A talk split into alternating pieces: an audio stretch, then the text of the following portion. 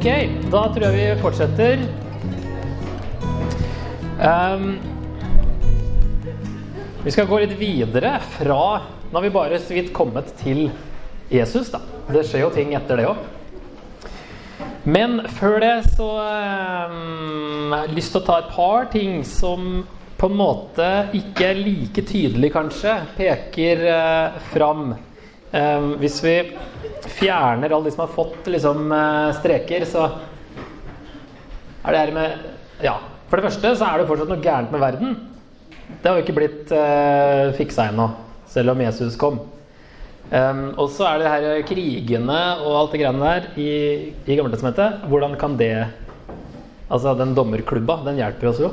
Men uh, det er liksom sånn, det virker så motsatt av det Jesus kom med. Men samtidig så tror jeg det hjelper oss til å for det første, gli over i neste uh, slide. Men òg um, at vi kan lære noen nyttige ting på veien her. Og da er det jo sånn at når profetene i Gammeltestamentet når de så fram mot Messias, at Messias skulle komme, så så de det som én event. Og det er ofte det er vanlig da, å sette det opp på den måten her. At en, en uh, profet i Gammeltestamentet så på en måte Han så ikke at det var to hendelser. At Jesus skulle komme først i si, lidelse, og så komme igjen som en konge. Og det beskrives ofte som to fjell, da, der man, de står akkurat sånn på en måte at du ikke ser at det er to fjell. Du ser liksom bare én topp. Og det er jo av og til sånn når man går på fjelltur, så er det plutselig en sånn luretopp. ikke sant? Så kommer det en, en, topp til. Så det er noe av det samme. at De så på alt det her som Messias, og så så de ikke at imellom de så var det da det som kalles da denne tidsalder av Paulus, blant annet. Um, så det må vi liksom Vi må strekke Jesus, så å si Messias, ut uh, til uh, to hendelser for å få alt til å bli oppfylt. Um, og da vil jo da noe av de tingene her vil jo da ikke har ikke blitt oppfylt da Jesus kom første gangen, men vil bli oppfylt når han kommer andre gangen. På den måten at de krigene, som sagt, er dom. Um, og det peker jo fram mot at Jesus skal komme igjen og dømme levende og døde, som vi gladelig sier hver søndag, men kanskje ikke tenker så mye over det. um, så det vil jo da skje der. Og så uh, vil jo òg jorda bli ny, står det. Og det skal også skje når Jesus kommer igjen der. Så nå har vi fått liksom oppfylt hele Gammeltestamentet i Jesus. Og det han sier altså Det verset vi begynte med fra Lukas 24 om at eh, Mos, eh, Moseloven, profetene og skriftene da Jesus refererer til det og sier at det, altså han kom for å oppfylle alt det. Og så sa han videre at eh, det stod at han åpnet deres forstand, så de kunne forstå Skriftene. Og så sier han slik står det skrevet. Messias skal lide og stå opp fra de døde tredje dag, og i hans navn skal omvendelse og tilgivelse for syndene forkynnes for alle folkeslag. Dere skal begynne i Jerusalem. Så etter at de etter at Jesus har åpna deres forstand, så de ser at han har oppfylt hele Gammeltestamentet, så er liksom det neste naturlige skrittet er at eh, nå må omvendelse og tilgivelse for syndene forkynnes for alle folkeslag. Det er neste skritt. Er noe, I Lukas er det ikke noe misjonsbefaling. Det er bare en sånn bibeltolkning som fører til ja, misjon. Det er neste. Helt uh, innlysende. Um, og så er det jo da spesielt i Første Mosebok 12.3, da, det løftet til Abraham, som at velsignelsen skulle ut til alle folkeslag. Derfor må dere ut til alle folkeslag. Um, er jo det som nå skjer. Så da vi, kan vi bruke det her til å lage en liten linje til. Den er ikke like komplisert som det forrige, tar ikke like lang tid, men det er uh, hele Nytestamentet på én side så får dere det òg. Begge de her kan da lastes ned. Det, ser, det står ja, vet ikke om dere ser det, det står bibelnerden.no helt nederst i hjørnet. Og der kan dere laste ned de her eh, ferdige slidene, da. Um, så jeg har valgt liksom over 30 for uh, Jesus, uh, død og oppstandelse. Og det neste store som skjer, det er jo altså etter evangeliene. da, Nå er det apostlenes gjerninger som blir liksom bunnlinja her. Pinsedag, som da skjer i kapittel 2, der Guds ånd kommer ned, og Guds herlighet på en måte fyller det nye tempelet. Eh, menigheten kalles jo en bolig for Gud i ånden, sier Paulus i Efeserne. Eh, Jesus var tempelet der Gud bodde. Så dro Jesus opp til himmelen, og så bor Gud i menigheten, står det. Nå er Guds herlighet her. I oss kollektivt, globalt, alle kristne, og også i oss individuelt. Og hvis du tenker på liksom den herligheten som var Det kunne ta livet av deg hvis du gjorde noe feil. Den bor i oss nå. Det burde jo i hvert fall føre til at vi har lyst til å leve hellige liv. Vi blir ikke drept hvis vi ikke gjør det, men altså, det er bare wow. Tenk på det. Den samme herligheten bor i oss. Og vi kalles jo Jesu kropp, så det er fortsatt Jesus på en måte som er tempelet. Men vi i menigheten er Jesu kropp, og, og Jesus bor i Eller vi er en del av Jesus, og Guds herlighet er i Jesus. Um, viktig hendelse også i kapittel 10 med Kornelius, som er en sånn hedning som er uh, såkalt gudfryktig, og som uh, var veldig tiltrukket av Moseloven. Uh, og Peter blir jo sendt til han. Er vanskelig å datere akkurat når det skjedde, men kan ha vært ganske tidlig. Og der Guds ånd faller på dem mens Peter står og, og forkynner. Sånn at Peter sier ja, men ikke, hvem kan hindre dem å bli døpt nå? da? De har jo tydeligvis fått Guds ånd. Så Gud har jo virkelig godkjent det her, at hedningene de kan få bli en del av eh, Guds rike uten noe mer eh, omskjærelse eller Moselov eller noe. Bare kom rett inn fordi dere tror. Så Gud tydeligvis bare velsigner det ved å eh, la dem få Den hellige ånd mens Peter står og snakker. Så det ble en viktig hendelse. Første liksom, gruppe av hedninger som kommer til tro. da. Og I kapittel 9 rett før det så har vi møtt Paulus første gangen. og Han blir omvendt av å møte Jesus på veien til Damaskus. Og så går det jo en stund før han drar på første misjonsreise. Det er det MR1 står for. Men da har vi kommet til kapittel 13 og på slutten av 40-tallet. Det er en ganske kort tur, den første, til Kypros og eh, inn i Tyrkia, som da var Galatia. Så han grunnlegger menighetene i Galatia og skriver brevet til galaterne. Fordi de hadde kort etter begynt å tro at eh, de måtte bli jøder for å bli, være kristne. Det var noen sånne andre vranglærere som hadde kommet da og sagt at eh, dere må eh, omskjæres, holde Moseloven, og så kan dere liksom bli eh, kristne etter det. da, Og bli jøde i bunnen. Og Paulus er ganske krass på at det må man ikke. Veldig artig brev, for han er så i farta, og han er så eh, han drar det helt ut noen ganger. Jeg syns Galatbrevet er veldig festlig, men Paulus syns ikke sikkert det var så morsomt da han skrev det. Men, men uh, han er i hvert fall veldig uh, i farta. Og, og han, ja, Det kan oppsummeres da som at uh, vi er frelst av nåde, ikke ved lovgjerninger. Og her er fargekodinga viktig, som dere ser. At det er oransje på innholdet, og det er også det samme som Jesus. Det er hele tida Jesus som forklares i nye situasjoner og i konkrete eh, situasjoner og problemer. De finner ikke på nye ting sjøl, så dere kanskje tror det, at Paulus fant på alt mulig. Men han, han, baserer det alltid på Jesus. Det er et par steder han sier at det her snakka ikke Jesus om, så derfor gir jeg dere min mening. Men han sier i hvert fall veldig tydelig fra at det her sa ikke Jesus noe om. Eh, ellers så henter han alt fra Jesus. Um, og NT Wright han har kalt det her at, eh, som et bilde på at Jesus er komponisten, og Paulus og de andre apostlene lærte folk hvordan de skulle spille instrumentene. Så, men alt er liksom, det er Jesus hele veien som tas ut av en jødisk kontekst, i hvert fall med Paulus, da, som skriver til hedninger. Og han skriver hva betyr det her i en hedensk kontekst, og hva betyr det akkurat inn i den konkrete situasjonen i Korint f.eks. hva gjør vi her? Hvordan kan evangeliet eh, fikse opp i dette problemet? Og de er ganske tydelige på at de skriver med en autoritet av Jesus selv, av disse apostlene, både Paulus og de andre. Eh, det er han som har sendt dem ut.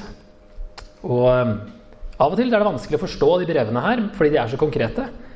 Men så er det også veldig nyttig når det er så konkret. At vi, har, vi ser eksempler på hvordan evangeliet anvendes i konkrete situasjoner. Um, så jeg har Galaterne som det første brevet til Paulus, og kanskje det eldste i uh, Bibelen. Nytestamentet, i hvert fall. og så er Jakob et annet eh, brev som vanligvis dateres ganske tidlig. Skrevet da av um, uh, Jesu biologiske halvbror, etter alt å dømme. Som ble en av disse som ble med i eh, den apostoliske kretsen. Og han skriver jo veldig i tråd med at det er Jesus som skal, som skal, settes i praksis. For det er jo kjente ord om at hvis troen ikke vises i livet, i, ja, i livet er den død. Så hvis ikke Jesus vises i livet, så har du ikke en ekte tro, sier han. Det, da eh, tror du liksom bare at Gud fins, uten at eh, det har gjort noe med deg. Så en frelsende tro vil eh, forandre deg. Han er ikke uenig med Paulus i det hele tatt, men eh, sier det på en annen måte. Så er det første kirkemøte, kan vi kalle det, i apostelmøtet i Jerusalem i Apostelens gjerninger 15. Og det vet vi skjedde i år 49. Uh, og der er temaet hva skal vi gjøre med alle disse hedningene som kommer når liksom, Jesus har sendt oss ut. uh, og så har etter hvert liksom, hedninger begynt å tro. Og tydeligvis så trenger ikke de å bli jøder. Det kommer i hvert fall Peter står fram og sier det. At uh, tydelig hos Kornelius, de trenger jo ikke det. Uh, å omskjæres og, bli jøder først. Gud går jo god for det ved å gi dem sin ånd. Uh, Paulus og Barnabas forteller om alt de har opplevd på første misjonsreise. At masse hedninger kom til å tro. Og veldig sånn erfaringsbaserte argumenter. Og så se hva Gud gjør, liksom. Det her må jo være greit. Og så står Jakob da, sammen med Jakob fram og eh, konkluderer og henviser til profeten og sier at ja, men det passer med profeten, dette her. Eh, sånn skulle det bli. Så er det noen fariseere som er kommet til tro, som er liksom veldig på der Moseloven. Vi må holde Moseloven, må være jøder egentlig. Mens apostlene er enige om at nei, det må vi ikke. De skriver et brev eh, og sender rundt til menighetene, så de skal skjønne at eh, de trenger ikke å holde Moseloven. Så er det eh, etter det drar Paulus da på andre misjonsreise. I kapittel 16 eh, til 18. Og de eh, reisene hans blir litt lengre hver gang. Nå er det da han starter jo borti eh, Ja, hva blir det, da? Eh, Syria-ish? Hva heter det? Antiokia eh, Syriske Antiokia heter det kanskje. Ja. Oppe, helt oppi hjørnet, nordøstlige hjørnet av Middelhavet. Der er Antiokia, den ene Antiokiaen. Og han drar nå gjennom dagens Tyrkia, da, gjennom Galatia, besøker dem igjen. Så kommer han over til Hellas, over til Europa for første gang drar ned til Korint og Aten da, i, nede i, Hellas og planter menigheter hele veien, som eh, i Tessalonika og Filippi osv. Eh, skriver brev til tessalonikerne både én og to ganger ganske kjapt eh, mens han er på reisen her, fordi de eh, ble forfulgt og lurte på hva som skjedde med de som døde før Jesus kom igjen. I det første brevet og det andre brevet så virker det som de tror at Jesus allerede har kommet igjen og at de kanskje hadde gått glipp av det. Så Paulus sier at uh, han forklarer litt hvordan det skal skje. Det er ikke noe sånn man kan gå glipp av. Uh, og så sier han òg at uh, poenget er bare å leve hellige liv til Jesus kommer tilbake. Til denne krona skjer. Så jeg er et lite hopp på linja, for jeg skal ikke si at jeg vet akkurat når det skjer. Det er liksom utafor tidslinja, egentlig. Så tredje misjonsreisen der, eh, den er ganske lik den andre, bare at han i stedet for å dra tilbake fra Aten eller Korint eh, på andre reisen tok han båten tilbake. Nå går han samme vei tilbake. Derfor tar den litt lengre tid, denne reisen her. Eh, og han skriver romerbrevet og korinterbrevet eh, på denne tredje misjonsreisen. Romerne, der eh, vil han forene en splitta menighet mellom nettopp jødekristne og hedningekristne, som ikke klarte å forenes helt. For de hadde forskjellig praksis, forskjellige tradisjoner. Eh, hvordan leve ut kristentroen. Så han eh, skriver romerbrevet for å understreke da, at det er ingen forskjell på jøder og hedninger i Kristus. Og I første Korinterbrev så er det jo mange problemer. Det er mange temaer han tar opp. Han går fra det ene til det andre, og derfor er det mye å lære for oss. For det er så veldig mye forskjellig. Eh, virker som han sier at kjærlighet vil løse de fleste problemene. Gjør alt i kjærlighet. Andre korinterbrev er et av hans mest personlige. Eh, veldig annerledes enn første korinterbrev. Og der Paulus roser seg av sine svakheter, fordi Gud ikke måler suksess sånn som verden gjør. Han blir anklaget for å være en dårlig apostel fordi han er så latterlig i verdens øyne. Veldig oppmuntrende brev, egentlig, om at vi trenger på ingen måte være perfekt.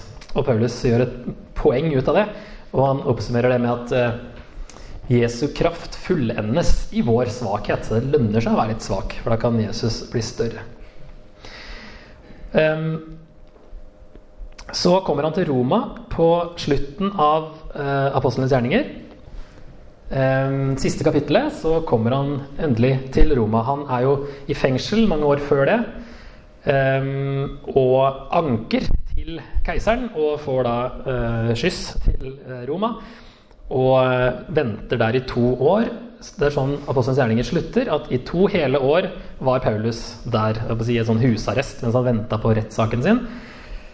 Tydeligvis så vet Lukas at det skjedde noe etter de to årene, men der, der stopper altså Lukas som skrev Apostlenes gjerninger. da, Der stopper liksom den boka. Eh, men vi vet at han var der to år. Mens han var der, skrev han eh, flere brev. Kolosserne og efeserne, filipperne og Filemon, som da er skrevet til kolossermenigheten. En spesiell person i den menigheten. Eh, kolosserne de lurer på kan filosofi eller hedenske kulter eller elementer fra jødedommen gjøre oss mer åndelige. Og Paulus svarer nei. Jesus er nok. Veldig greit svar. Filemon, der er det en slave som har rømt fra Filemon, som heter Onesimus. Og han har blitt kristen da han møtte Paulus. Paulus sender han tilbake med dette brevet og ber Filemon ta han tilbake som en kristen bror. Og det er jo skikkelig sånn test case. Funker kristendommen i praksis? Vil en rømt slave som egentlig fortjener dødsstraff, bli tatt imot som en bror av en annen kristen nå? Nå er vi veldig spente. Kommer dette til å gå bra? Og det er et retorisk mesterverk, det lille brevet. Én side. Det er så gøy å befinne ut hva er det Paulus egentlig vil si, men han pakker det inn på en sånn måte fordi han må balansere mellom kristen nestekjærlighet, som han egentlig ønsker at Filemon skal vise, og romersk lov, som sier at Filemon har rett til å straffe Onesimus, og til og med straffe Paulus, som har husa en rømt slange eh, Slave! Så Derfor er det, det et veldig touchy tema og veldig eh, artig brev hvis man liksom bare setter seg litt inn i det. Vi har sikkert lest og ikke fått noe særlig ut av det hele tatt. Men eh, er vi virkelig like i Kristus? Efeserne ligner på kolosserne, men er litt roligere. Eh, veldig mye paralleller.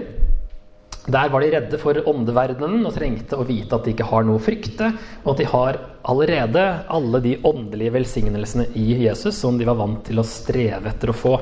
Så Paulus sier at Gud har gjort alt. Um, ja, tilgi og bli forlikt, ja. Det var Filemon. Det, det er det han oppfordrer Filemon til. I Festbrevet så er det da eh, Gud har gjort alt, derfor lev verdige liv. Og det vil jo si liv eh, etter Guds vilje. Det er det eneste vi kan gjøre i respons, fordi Gud har gjort alt. I Filippi så er det noen problemer i menigheten. Eh, litt uenighet. Det er to damer som krangler spesielt, og de blir faktisk navngitt av Paulus, men er venner og medarbeidere av Paulus. da. Så det er ikke sånn at han henger dem ut, men han eh, adresserer dem direkte om at de må komme til enighet. Og han snakker mye om at ydmykhet er det som er nøkkelen til å eh, få enhet.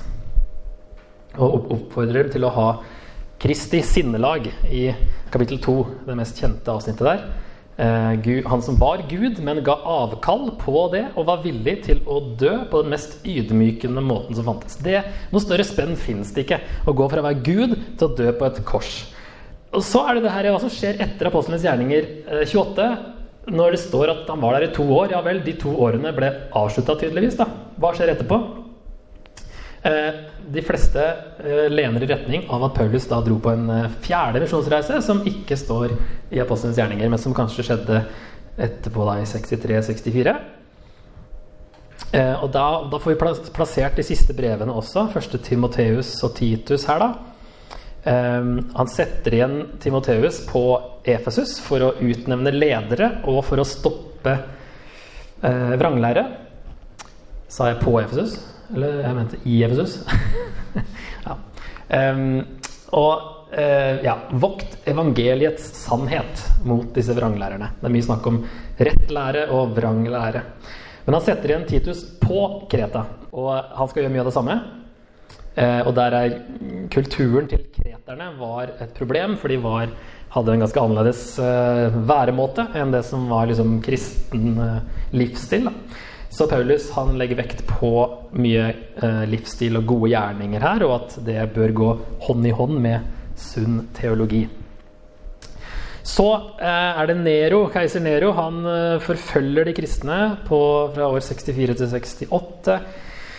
Eh, og det er den første liksom, organiserte eh, forfølgelsen fra myndighetene. Det er forfølgelse hele veien av sånne aggressive jøder her og der, men nå er det liksom myndighetene som eh, det, er nok, altså, det handler jo med at Roma brant i år 64, og eh, Nero som ryktene går fortsatt om han, har tent på, han på sjøl. Men i hvert fall så trengte han en syndebukk og valgte de kristne. Som var allerede liksom uglesett og rare, og liksom en minoritet. da. Um, så de blir forfulgt. Uh, etter andre kilder så sies det at både Peter og Paulus da dør i denne forfølgelsen. Uh, så de, uh, Peter sine skrifter har vi her, og Markus evangeliet.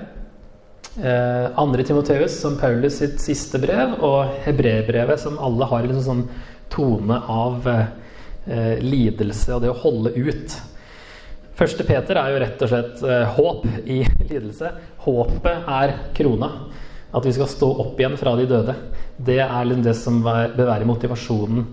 Altså krona der, den Jesu gjenkomst og vår oppstandelse fra de døde, det bør være motivasjonen eh, for å holde ut i lidelse og se framover. Um, det er kanskje skrevet rett før denne forfølgelsen brøt ut, men likevel eh, veldig eh, om lidelse som alle kristne egentlig bør forvente fordi Jesus led, og er kalt, vi er kalt til å lide som han. Andre Peter er annerledes enn første Peter. Det handler egentlig om bare noen vranglærere som vil komme, og en, noen advarsler mot dem. Det er mye vranglærere som kommer i, uh, i, de kirkene her, så de må passe på hele veien. Bevar uh, den rette lære, og uh, husk hva dere har hørt av apostlene, osv. Da må vi komme til Markus.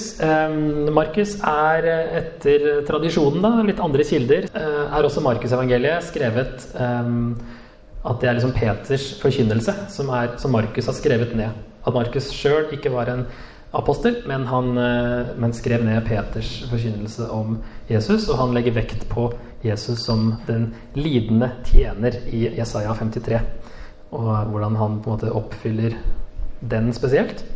De er jo forskjellige, alle disse evangeliene. legger vekt på forskjellige ting. Så her er Markus sin vinkling, da. Andre Timoteus, som da som sagt er Paulus sitt siste brev, der gir han uh, stafettpinnen videre til Timoteus, som kanskje var den personen som kjente Paulus aller best. Um, når han vet at nå er det slutt, og nå må du uh, gi dette videre til andre som kan gi det videre. Yeah. Hebreerbrevet um, er det òg litt sånn uh, lidelse, og kanskje var det skrevet til jødekristne som ikke ønska å bli forfulgt. Det er kanskje ikke så rart at de ikke ville det. Men de tenkte da at kanskje vi kan gå tilbake til jødedommen. For da unngår vi jo liksom forfølgelsen som de kristne uh, går gjennom. Og det er ikke så stor forskjell på jødedom og kristendom. Kanskje de tenkte.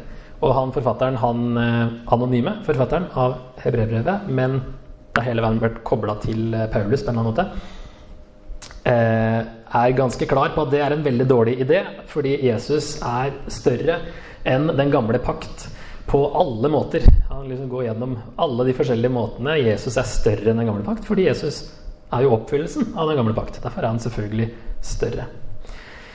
Lukas, ja, Det er vanskelig å datere de her evangeliene, men jeg har satt Lukas her ute. da, Selv om det er jo en uh, mulighet at det er eldre, eh, siden Paulus muligens siterer det. Men um, ja, tidlig 60-tallet kan det nå uansett være, da. Uh, Lukas skriver jo det mest såkalte hedenske evangeliet, det mest greske evangeliet, og også det mest universelle. Uh, Jesus er for alle, og inkludert taperne i samfunnet. De syke og de fattige, og også kvinner, som var liksom ikke så likestilt den gangen. Men han legger ekstra vekt på, på de som faller utenfor. Um, Apostlenes gjerninger eh, handler om hvordan evangeliet er ustoppelig og overvinner alle hindringer og brer seg utover hele Romerriket, helt til hovedstaden Roma. Og kanskje derfor han slutta der. da. Nå har Paulus kommet til Roma, og da er jeg fornøyd med det jeg har skrevet. Nå har det vært, Han har vært overalt, selv til hovedstaden. Så vet, Kanskje han har tenkt å skrive del tre en annen gang. Ettersom Apostelens gjerninger fortsetter jo av Lukas evangeliet. Så, men han Altså, Rullen var nok full uansett, for det er jo de to lengste bøkene i, i Nyttestamentet.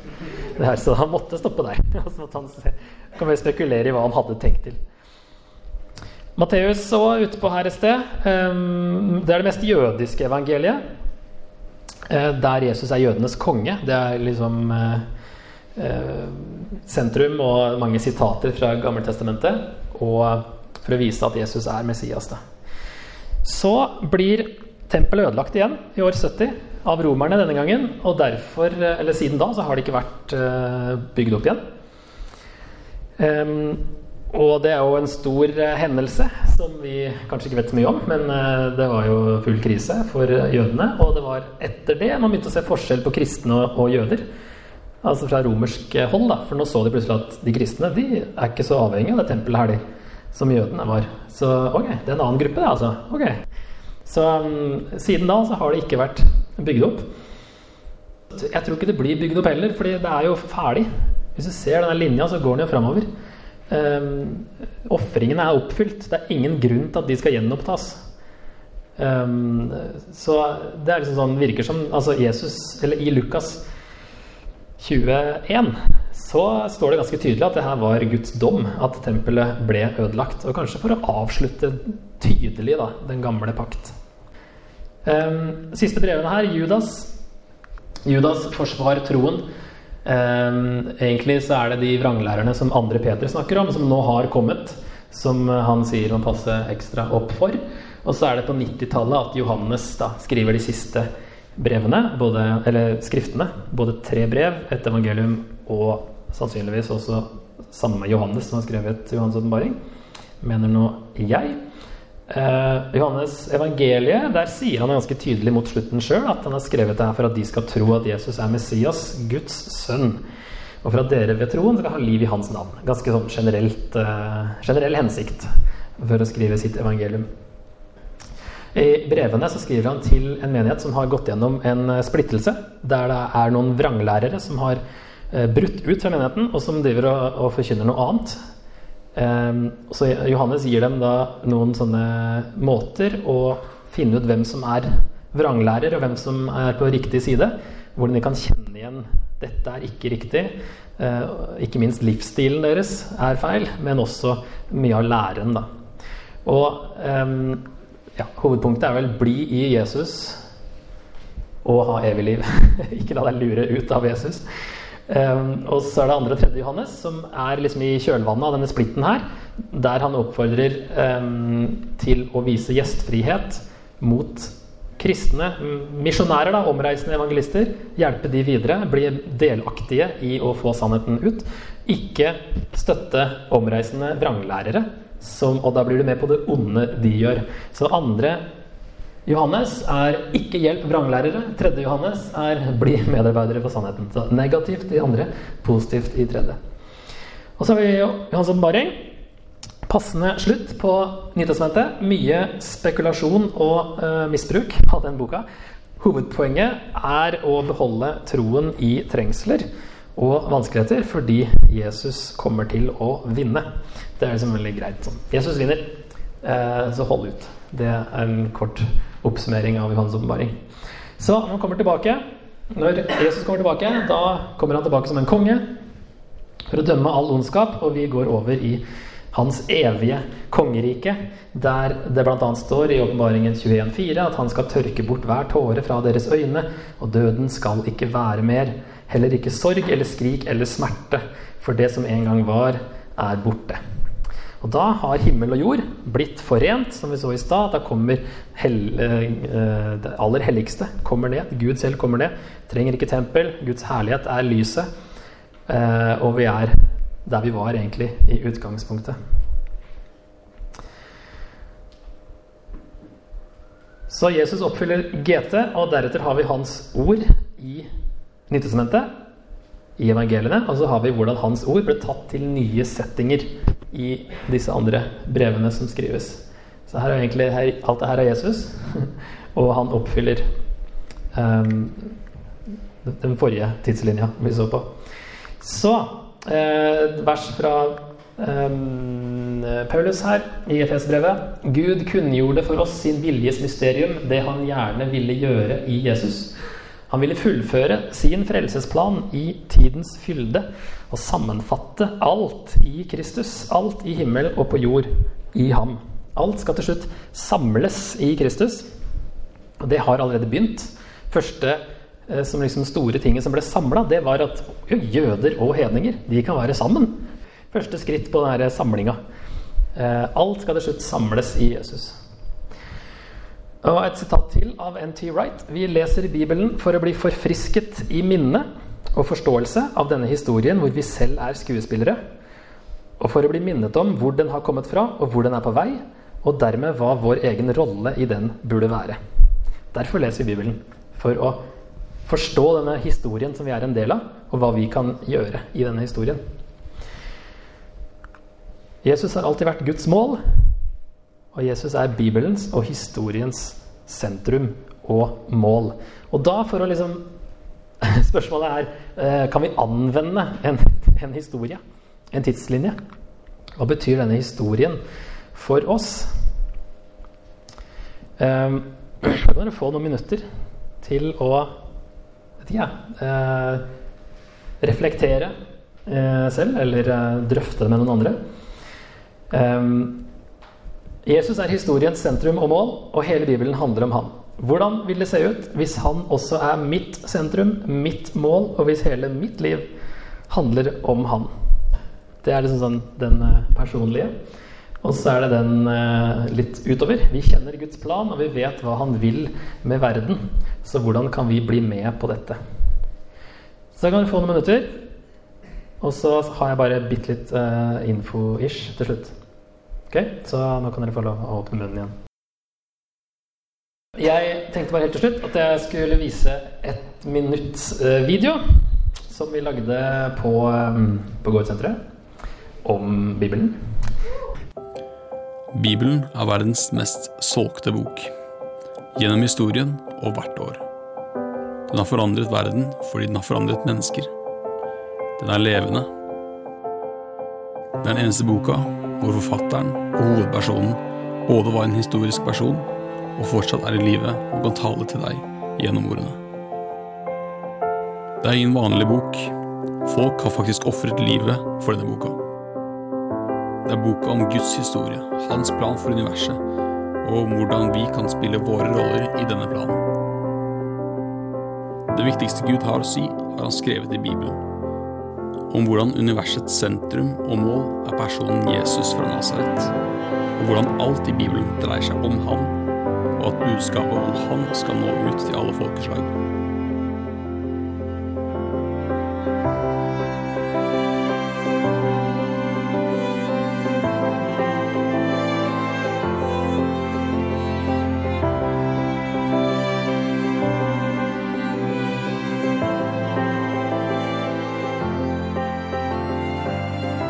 Så der stopper vi den. Det er jo helt utrolig mulighet til å dykke ned i denne historien her. Med denne nye linja på Go-Ut-senteret som heter Bare Bibel. Hele Bibelen på ett år. Ehm, da kan du få vokse i troen. Det tror jeg kan garantere. Å bli forandra av Gud. Ehm, du kan ta en timeout fra studiene om det er mulig. Eh, sette av et år til det. Lære å tolke Bibelen, ikke minst. Få veldig god hjelp til det.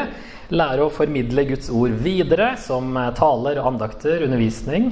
Den måten du har lyst til å gjøre det på. Og kunne være utrusta, eller bli utrusta, til å være med på Guds plan med verden. Um, så det her er jo en bibelskole i ordets rette forstand. Da. Når du får faktisk bare Bibel. Eh, vi jobber også med at du kan få studiepoeng ved NLA. Eh, og et samarbeid når det gjelder formidlingsfaget, der du skal lære liksom å legge det fram. Så, så er det et eget fag faktisk på Gimlekollen. Så det eh, blir et supert samarbeid, tror jeg. Og du kan også gjerne være over 19 år. Det er ikke noe sånn at du må være rett ut fra videregående for å begynne der. Og du kan fortsette å bo der du bor, om du ikke har lyst til å flytte. Eh, av forskjellige grunner. Det er ikke noe at du må flytte opp og eh, bo med de andre studentene. Eh, og så har vi ingen planer om å produsere nerder. Det har jeg også fått sagt. Det, det er ikke meninga. Det er et år med Bibelen for hvem som helst, egentlig. Eh, som har lyst til å forstå mer og fordype seg i det og sette seg inn i det. Så det er vanskelig for meg å uttrykke hvor bra jeg tror et sånt år er. Så det måtte jeg bare få pitche litt her på slutten. Så det er hjertelig velkommen til alle som har lyst til å bruke et år på Bibelen. Takk for i kveld.